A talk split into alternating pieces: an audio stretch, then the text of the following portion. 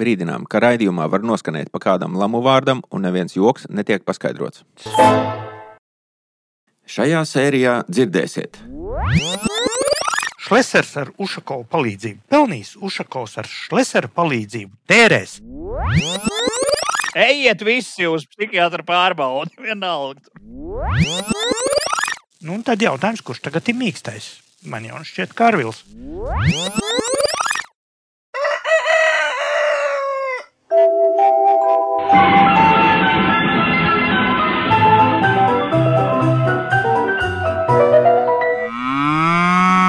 Jautājumi īsti provinces. Ja? Jā, jautājumi no provinces. Dzintris un Mārcis dzīvo laukos, bet nevar palikt vienaldzīgi pret valstī notiekošo. Izskatās, ka gads ir sācies, un izskatās, ka mūsu raidījuma atgriešanās pilnā apjomā arī ir notikusi. Gribu sākt uzreiz ar lielu pateicību un uh, tādiem sajūsmas vārdiem par to, kā klausītāji mūs sagaidīja. Tik daudz komentāru un laba vēlējumu un prieka saucienu mēs tiešām nebijām gaidījuši visos mūsu podkāstu un YouTube. Visur bija komentāri par to, ka prieks, ka mēs esam atpakaļ. Ticiet mums, mums ir vēl lielāks prieks un centīsimies ne savas, ne jūsu cerības nepievilt. Tad nu, sazināmies ar mūsu laukiem, kas te mums ir. Dzintrī, halo, halo, vai tu esi? Sveiks, sveiks! Esmu, esmu. Te vēl, tu zini, tāda, tāda ziemas guļa kopumā. Vajadzētu sākt raidījumus pozitīvas nots, un es domāju, ka tas noteikti ir atzīmēšanas vērts, ka mūsu jaunā klimata ministrija ir sākusi darboties jaudīgi.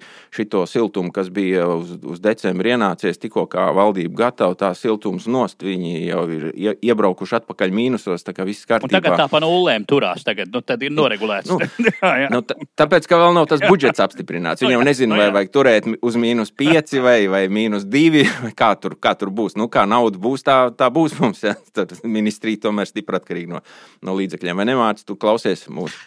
Es klausos, jā, vienīgais te tas tā laika nobīde.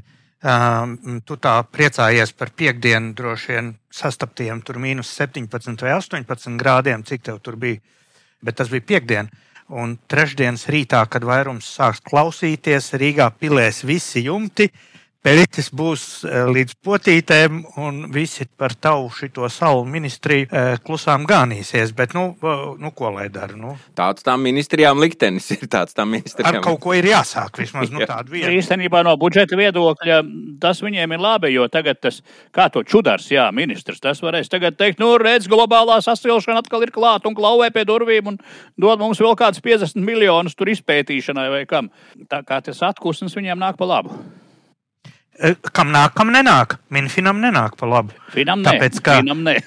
samazinoties uh, kurināmā patēriņam, samazinās PVN un akcīzi nomaksātā Protams. par to. Kam nenāk pa labi, pasaka vēlreiz nedzirdējām vārdu? Finanšu ministram fin, nenāk minam, pa labi. Fin, minam Ašerādena kungam.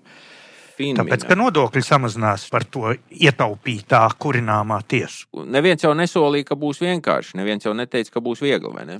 Es pateikšu vienu mazu noslēpumu. Tā tad svētdien atmaskojošajos televīzijas raidījumos, kad tika skaloti jaunie ministri un to biroji, ka tur ir savākti tādi un šitādi, un blēži un aizdomīgi un visādi citādi, pilnīgi bez jebkādas uzmanības paskrēja garām finanšu ministra jaunā Arvila Ašrādena birojas. Vispār netika pieminēts. Un varētu domāt, ka tas ir dēļ tam, ka viņam tik labi iet un viņam tagad uh, pildās budžets un, un, un ko nu viņi tur. Tā tad iemesls, kāpēc par Ašerādenu jauno biroju nebija raidījumā, Vecrīgas bezdarāts telegrāfs paziņoja, ka viņam nav nekāda jauna biroja, ka tas ir vecais Rēra birojs. Pats Rērs, kurš startēja zemgālē ar pirmo numuru, saņēma ienotības rekordsvītrojumu skaitu, nolidoja no saraksta pirmā numura uz ceturto, sēmā neiekļuva, par ministru netika, bet par ministru kļuva Čakša. Apgāja, un tagad viņi ir valdībā. Un Rērs, žargonā izsakoties, tika saimā uz mīkstā mandāta saucamā. Tas ir uz ministra pienākumu pildīšanas laika Čakša noliek savu mandātu. Rērs kā pirmais strīps tur tiek iekšā, un uz mīkstā mandāta iekļūšais Rērs pēkšņi iegūst finanšu un budžeta komisiju. Ohohoho!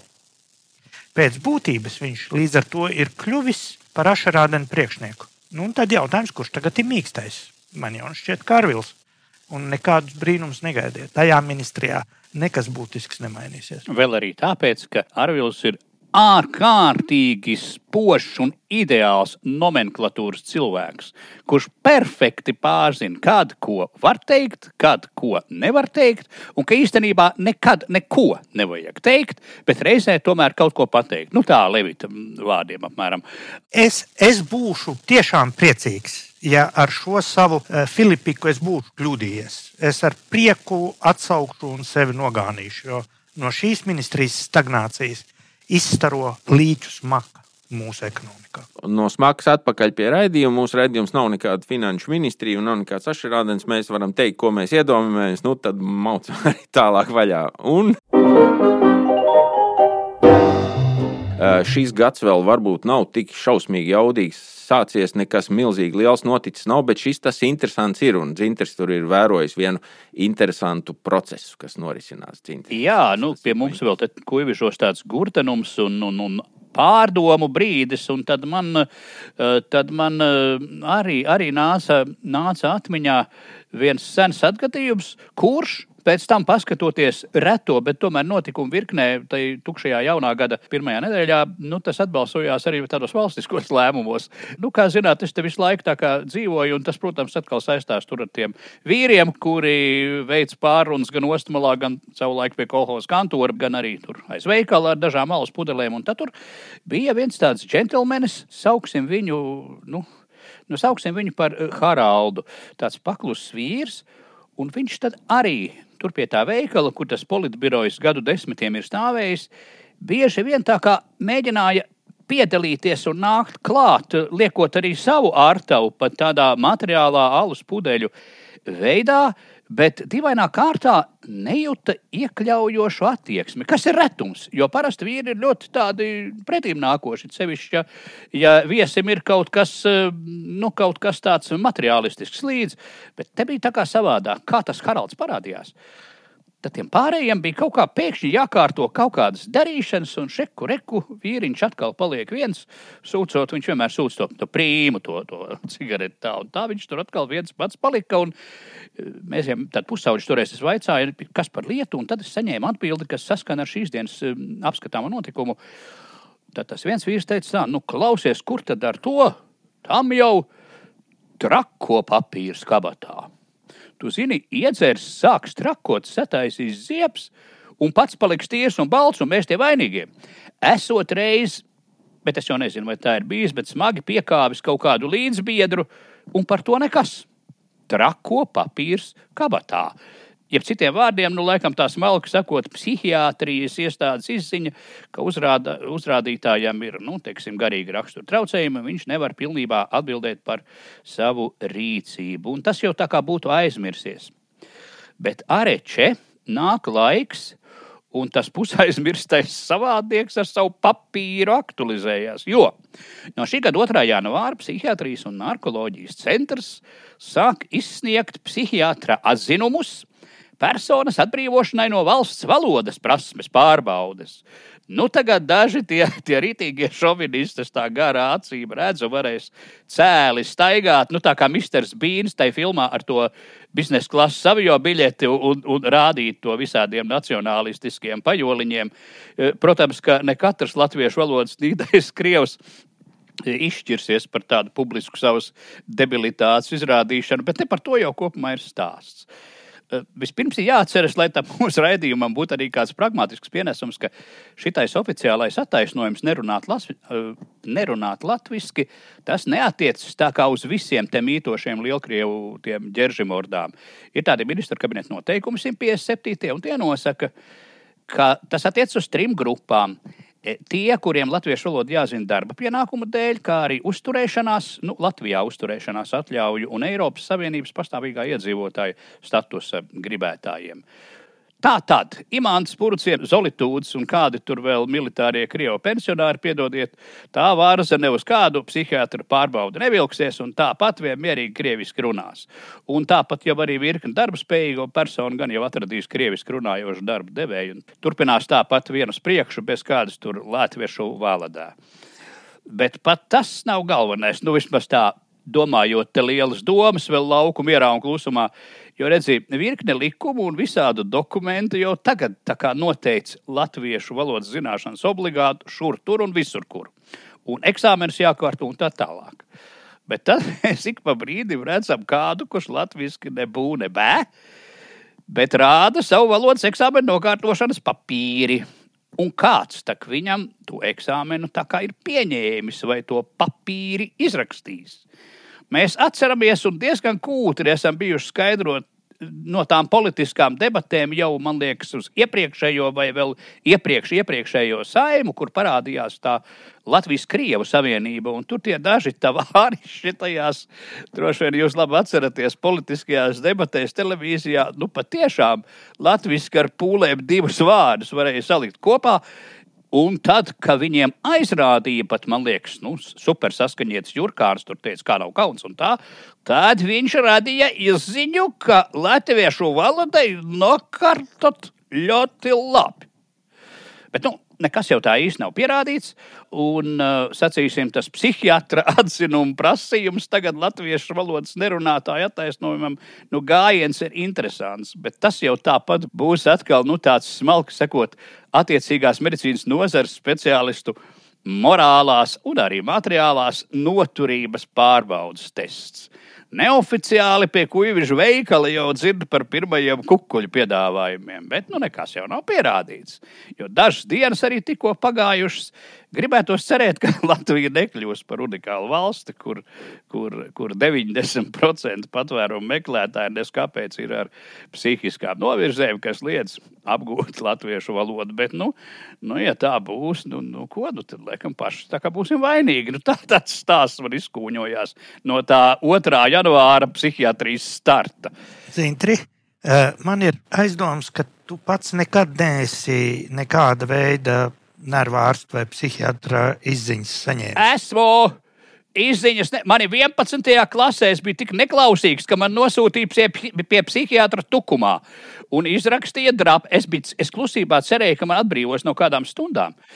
Bet nē, izrakstīja ripas, kuras es, protams, konsekventi, protams, konsekventi laidu podā. Bet, nu jā, tā ir vienīgā, vienīgā saskārsta šodien. Jā. Redzi, es esmu cilvēks ar stāžu. Pirmo reizi no padomju armijas man komisēja 70. gadā, un es vairāk kārt esmu šo statusu atjaunojis, ieskaitot eh, divas padzīvošanas, zinām, profilu slimnīcā ar ļoti labām, ļoti stiprām izziņām pēc tam. Un teikšu tā, tā dzīve arī padomju laikā nebija nemaz tik viegla ar tām izziņām kabatā. Un tajā laikā nebija nekādu datu bāzu tev vai nu to izziņu kāds pamana vai nepamana. Ja? Nu, to jau norāda Guļvišnieks Karals, kas tur pie veikala zaudēja draugus. Jā, jo man bija tā, ka uh, vienā dispanserā es biju uzskaitē, otrā nebija, un tad attiecīgi, kad vajadzēja tiesībām tur kaut ko tur tā un šitā, bet šobrīd, kad viss ir digitalizēts, tas nevienmēr strādā tā, tā visa tā medicīnas sistēma, bet kopumā jau tā datu bāze ir.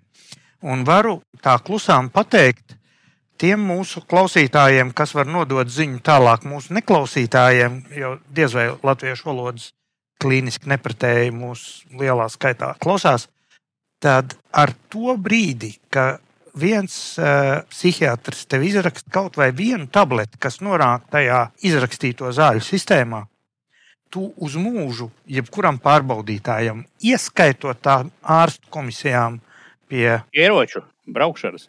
Pie braukšanas tiesības taču ik pa brīžam ir jāiet atjaunot ārstu komisiju. Par stroķiem nemaz ieslēdz kompi, un viņi redz, kur tu esi bijis, kādas tabletes tu esi ēdis, brālīt.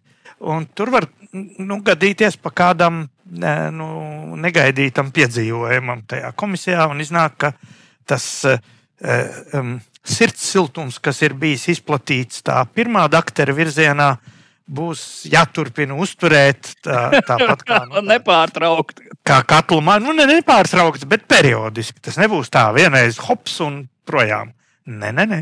Nē, nē, nē. Interesanta lieta šī ir, ja, ka cilvēki ir ieinteresēti un izplatīti sil, silts, sir, Silts. sir, siltumu abos virzienos. Da, daži, lai kļūtu veseli, vai izliktos pa veseliem, daži, lai izliktos pa slimiem. Ja. Tāda interesanta pasaule uzbūvēta. Un tas, ko, tas, ko tu lietoji, to uh, an, uh, terminoloģiju, tur uh, psihiskās novirzes ir nepareizi. Stulbums nav novirze. Bet tas ir kas. Novirze ir tad, kad tu paņem un sāc kost kājā, teiksim, vai, vai, vai teiksim, iestājies progresīvajos, vai tā ir psihiska novirze. Ja? Bet balsot par progresīviem nav psihiska novirze. Tas ir vienkārši stulbums. Tur ir nianses. Interesanti, kāda šī visa kārtība un viss tas process atstās iespaidu uz mūsu valsts to starptautisko reputāciju. Statistiski tīri parādīsies mums, ka mums ir kaut kāda trakā māja. Bet baigi esot oficiālie mēdīkļi ziņo, ka šis te psihiatra apmeklējums esot ļaudis esot ļoti ieinteresēti jau pirmajā nedēļā. Nu, ja? Stāv rindās, kaut ko tur saklausījušies. Viņi neklausās mūsu raidījumu, kur Jā, par jā, to jā, visu ierēdz. Viņi lasa kaut kādas savas avīzes, kurās ar šito droši vien baida. Tur kaut kāda latviešu koncentrācijas nometne un kaut kas tur tam līdzīgs. Viss, nu, tas viss tur vienā kaudzē noteikti. Ve vecajam zvejniekam uh, no otrā krasta, no plieņciema, manam saimniekam Kārlim, uz, uz Jāņiem ik pa brīžam vajadzēja doktora izziņu, nu, ka bija Jāņos jāstrādā. Ja? Un, un tā viņš vien, vien gadu aiziet, nu, viņam muguras sāp, nu, muguras sāp, nu, radiklu, nu, doktors izraksta tur uz trīs dienām uz Jāņiem. Nākošais gads viņš domā, nu, kaut kā nērti uh, pa to muguru. Nu, pasaka, ka vēders sāp. Viņš sašņorē aizved uz Angūras slimnīcu, ieliek infekcijas slimnīcā, kur viņš ar kaut kādu pļūtamo saķēri divas nedēļas ārā netika. Tur ir eh, jāpadomā par sekām drusku. Var sakot, sveicinām savus paziņas latviešu nerunājošos. Jā, privē, informējam. privēt.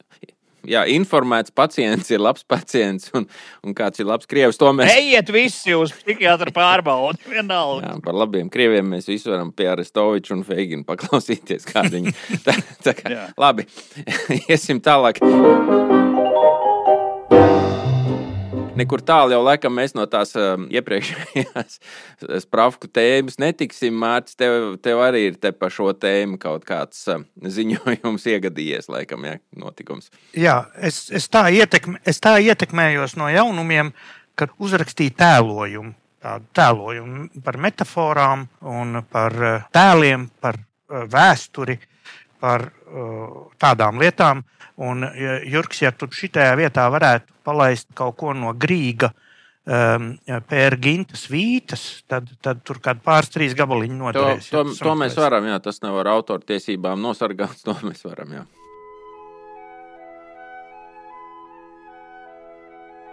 Tā tad mēs redzējām Facebookā ar sarkanām izsaukuma zīmēm rotātu paziņojumu. Šodien Latvijas sabiedrība ir sašķelta, ir vajadzīgi drosmīgi līderi, ir vajadzīgi politiķi, kuri būtu gatavi palīdzēt tautai apvienoties. Es Nilu pazīstu jau sen, rakstā Šlesers, Ainārs un Buldozers. Un uh, pasludina sensacionālu jaunumu, būšot Ušakova Šlesera tandēms. Un, un tad es sapratu, ka nu, no vienas puses to visu uztvēra kā kaut kādu nenopietnību, bet um, es mazu atskatu pagātnē gribētu šai sakarā. Tā tad attieksme pret Šleseru kā vienu no oligarhiem, kas te drusciņi muļķojos, drusciņi parādās, tad tur pazūd un tā. Uh, ir lielā mērā viņam nedraudzīgu mediju pielipināt, un viņš ir ļoti, protams, ērts materiāls, kam arī viss kas pielīp. Bet es atgādināšu dažus skaitļus, lai pievērstu uzmanību, ka šis ir nopietni. Līdz ar to, ja gribat pasakot manam domgājienam, laipni aicināti. Pirmkārt, Šlesers ir ļoti nopietns politisks ilgdzīvotājs. Viņš ir ievēlēts ticis jau 7. sajēmā, 98. gadā. Tas ir pirms 25 gadiem. Tālāk Šlesers ir bijis ministrs lērumā, valdība tur saskaitīt nevar.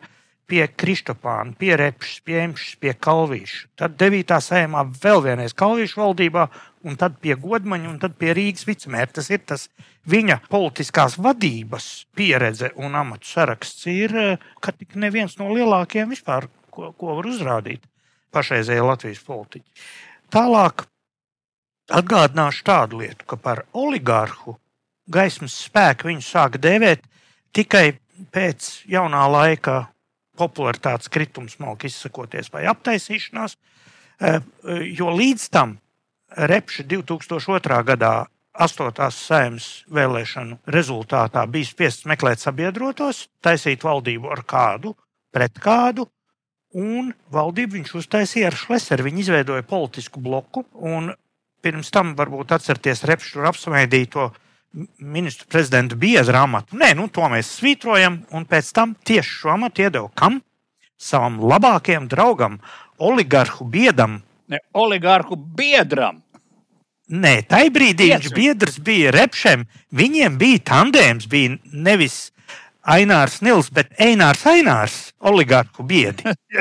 Un arī tāds varbūt eh, atgādinājumam, ka Šlesers ar Kariņu abi bija kolēģi ministri Kalvīša otrajā valdībā. Abi pie viena galda sēdēja, abiem Kalvīts bija priekšnieks. Nu tā, tālāk. Šlesers ir izcils, protams, ar dibināto, pārņemto, pārdēvēto, reorganizēto partiju karuseli. Vienkārši unikāli to nevar saskaitīt īstenībā.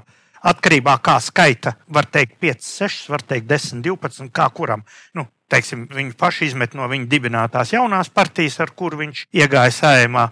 Tad viņš nodibināja tur citu partiju, tad atkal uz tās partijas bāzes taisīja nākošo, tad apvienojās ar Latvijas ceļu, uztaisīja jaunu partiju, to atkal pameta. Tad Latvijā, uh, es gribēju teikt, iepirkās, uh, uh, apgādājās ar vienotu Latvijai, tad ar to taisīja tur brīnumainu kampaņu. Nu, tagad viņam ir atkal kārtējā, un tad taisīs atkal kārtējo. Ja? Ar vienmēr sakot, tur ir vienkārši fantastika. Bet svarīgs ir tas faktors, ka pēdējā saima, kur viņš līdz šai bija, bija desmitā saima, kur viņš bija kārtējā apvienībā, kur sauca uh, ģeniāli izlā nosaukumā par labu Latviju. Tur šai apvienībai bija astoņi deputāti, no kuriem divi bija šleseri un pārējie bija uh, oranžais elements.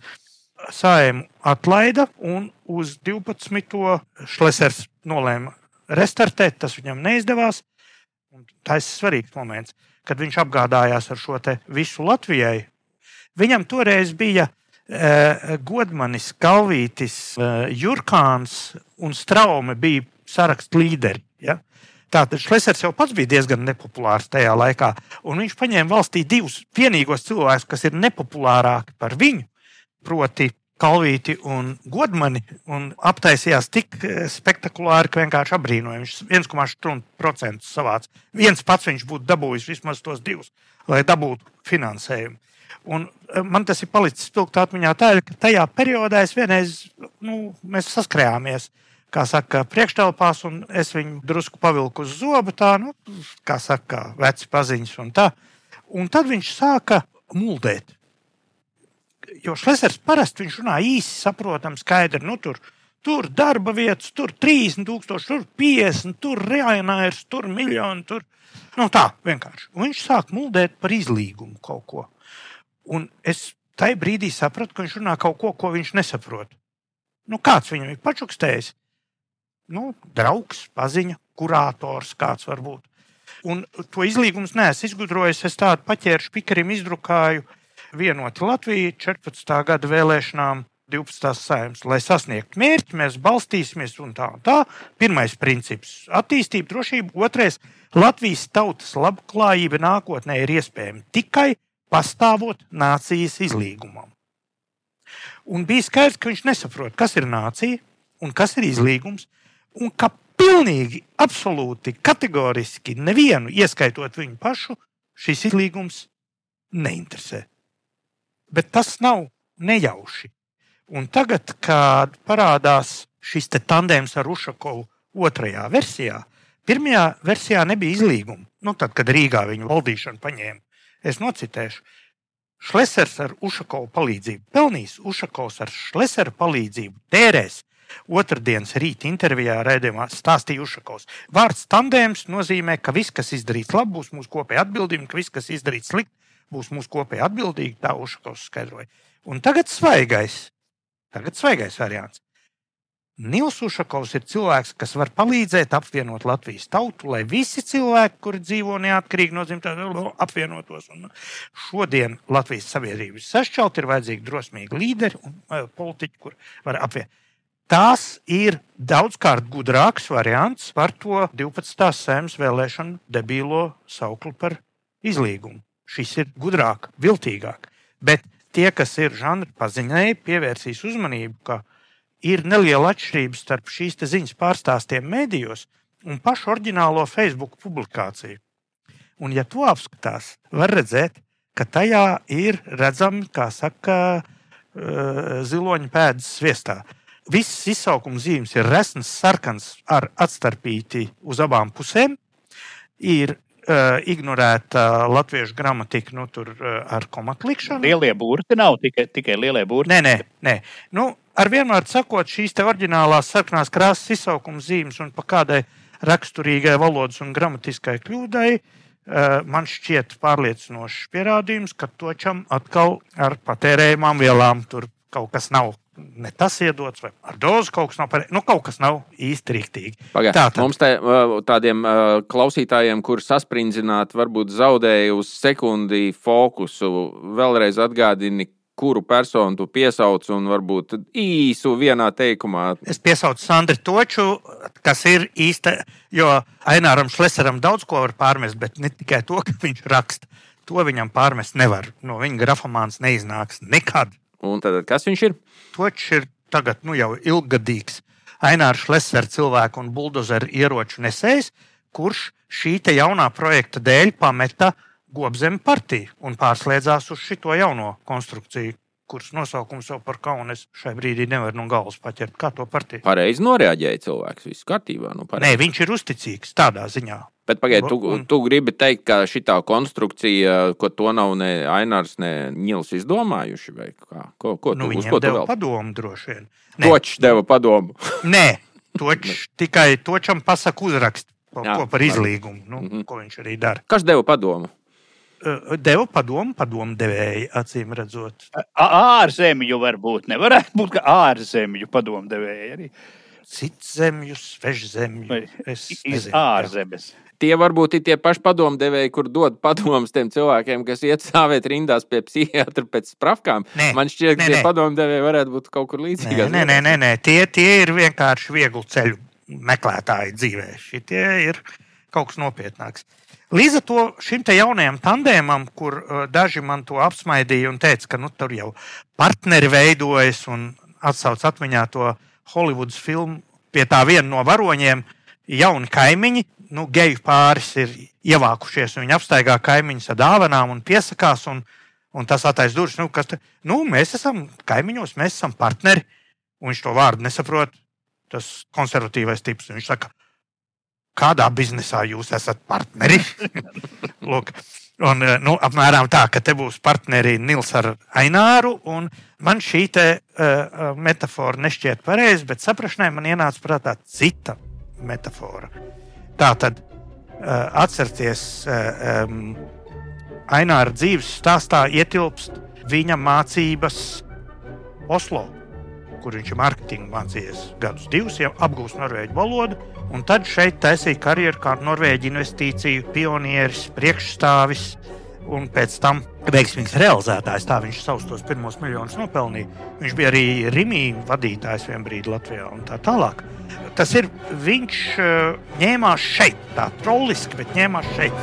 Viņš ir tāds vietējais pērs gins. Ja pērs gins ņēmās kaut kur projām, nu, visus tos brīnumus taisīt, tur uh, troļļu alā bija un, un, un ko tik visu nē, tad mūsu šis te ir inversējis. Pērs gins ir uz vietas, un viņa solveiga bija tālumā. Solveiga Briselē sēdēja, gaidīja, uh, nu, tā mierīgi, pacietīgi. Jo, jo saprotiet, nu, kaut kāda analoģija ir vajadzīga, lai to pāri uztvertu. I, invertētu uh, solveigu, kas atgriežas pie pēra ginta pēc ilgas gaidīšanas, ir nosirmojusi, novecojusi, bet uh, nu, ir ar mieru atjaunot kādreizējo veiksmīgo tandēmu. Uh, pēc grūtām dienām svešumā, ēdot uh, Briseles šitos vārītos gliemežus Baltijā. Kāpostus, kāpostus. ar, ar vienmēr sakot, tēls man ir skaidrs, bet, ja es drīkstu, burtiski dažus teikumus nopietnībai. Kas ir noticis? Kāpēc vispār šāda brīnuma pēkšņi izlec? Ir vēlēšanu rezultāti, un vēlēšanu rezultāts būtiskākais ir bijušā saskaņas elektorāta kolaps, sa saplīšana, pazušana. Un atlikumu sadalīja tādā veidā, ka tam ir tagad nopietnas sekas, ka Krievijas pārstāv vai nu klīniski trakie, vai arī nemaskēti klauni vispār kopā ar vieglas uzvedības sievietēm. Un šāda situācija nevar būt paprātam tiem, nu, kuriem ir kaut kādi plāni, iespējas un resursi attiecībā uz Krievu vēlētājiem. Un līdz ar to veidojas aprēķina laulības, un kā jau mēs to esam šeit teikuši, atkārtošu, lai aprēķina laulības būtu laimīgas, ir jābūt aprēķinam pareizam. Un tas aprēķins, kas ir ielikts šajā, šķiet pareizs attiecībā uz iepriekšējā saskaņas elektorāta un iespējams kāda cita, kurš ir palīdzējis eh, Šlesaram par spīti prognozēm, tomēr iekļūt šajā sējumā. Es pieņemu, ka tur ir milzīga nozīme tai grupai, kas bija mm, gods kalpot Rīgai, kas nāca, kā saka, ar savu vēju un savu lojalitāti. Tas ir aprēķins, nešķiet pavisam no sākta galā plams, atšķirībā no tiem Daugopils psihoneiroloģiskā dispanseru pārpludinātājiem. Un mums atliek pirmkārt skatīties, vērot, analizēt, un tad paust savu nostāju. Jo mūsu prioritātes paliek vecās - drošība, valoda, izglītība, un ir pamats visnopietnākajām bažām, ka mūsu pēc Gints un Solveiga šos jautājumus saprot pagalam citādi nekā mēs. Nu jā, man, man tā, arī tā Solveiga gāja pie sirds, eh, bet es gan uztvēru, ka, ka Solveiga arī tajā grūšajā dzīvē, kā tu teici, ir novecojusi, nosirmojusi un drusku krunkaina. Un droši vien, ka pēram gintam viņa ir atkal no jauna mīļa, nu, aināram, bet vai viņa vairs ir mīļa elektorātam vismaz uz šo brīdi? Uh, kad, kad laikam tomēr tai sabiedrībā gribi, negribi valda drusku tādi, kurā pusē nostāšanās prerogatīvi. Nu, ja mēs daļēji varētu teikt, ka Ušakova elektorāts ir tas, kurš tā kā kāru ļoti, ļoti gribētu izbeigt, bet Krim tomēr ir našs tad diez vai tur kaut kas sanāks. Jo šobrīd jau nu, mēs varam visādi saukt dažādas Rosņikovas un tur tās dāmas, bet tas ir tas, ko daļa no Krievijas elektorāta izvēlējās. Man šķiet, ka Ušakovs viņus ir tā kā, nu, tā kā iedevis kurvīti vai, vai nodevis, vai kā nu tur tā smalkāk teikt.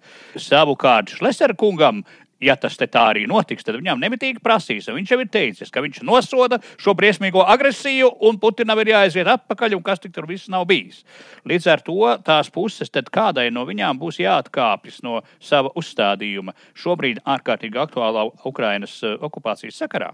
Ja tas karš beigsies, un beigsies ar kādu daudz maz pieņemamu rezultātu Ukrainai, tad, protams, uz politiskās skatuves varētu būt cits izkārtojums, un šim viņu vecišķajam un jocīgajam tandēnam var būt tā kā tāds jauns uzrāviens. Bet pašlaik, krieviski sakot, dotajā momentā es tā kā neredzu lielas šansas pēra ginta un solveigas uzvaras tangos skatos es tikai atkārtošu to vienu manu apsvērumu, ka uh, tik tiešām klasiskais saskaņas vēlētājs tika pamests. Viņš nebalsoja par Rosļikovu.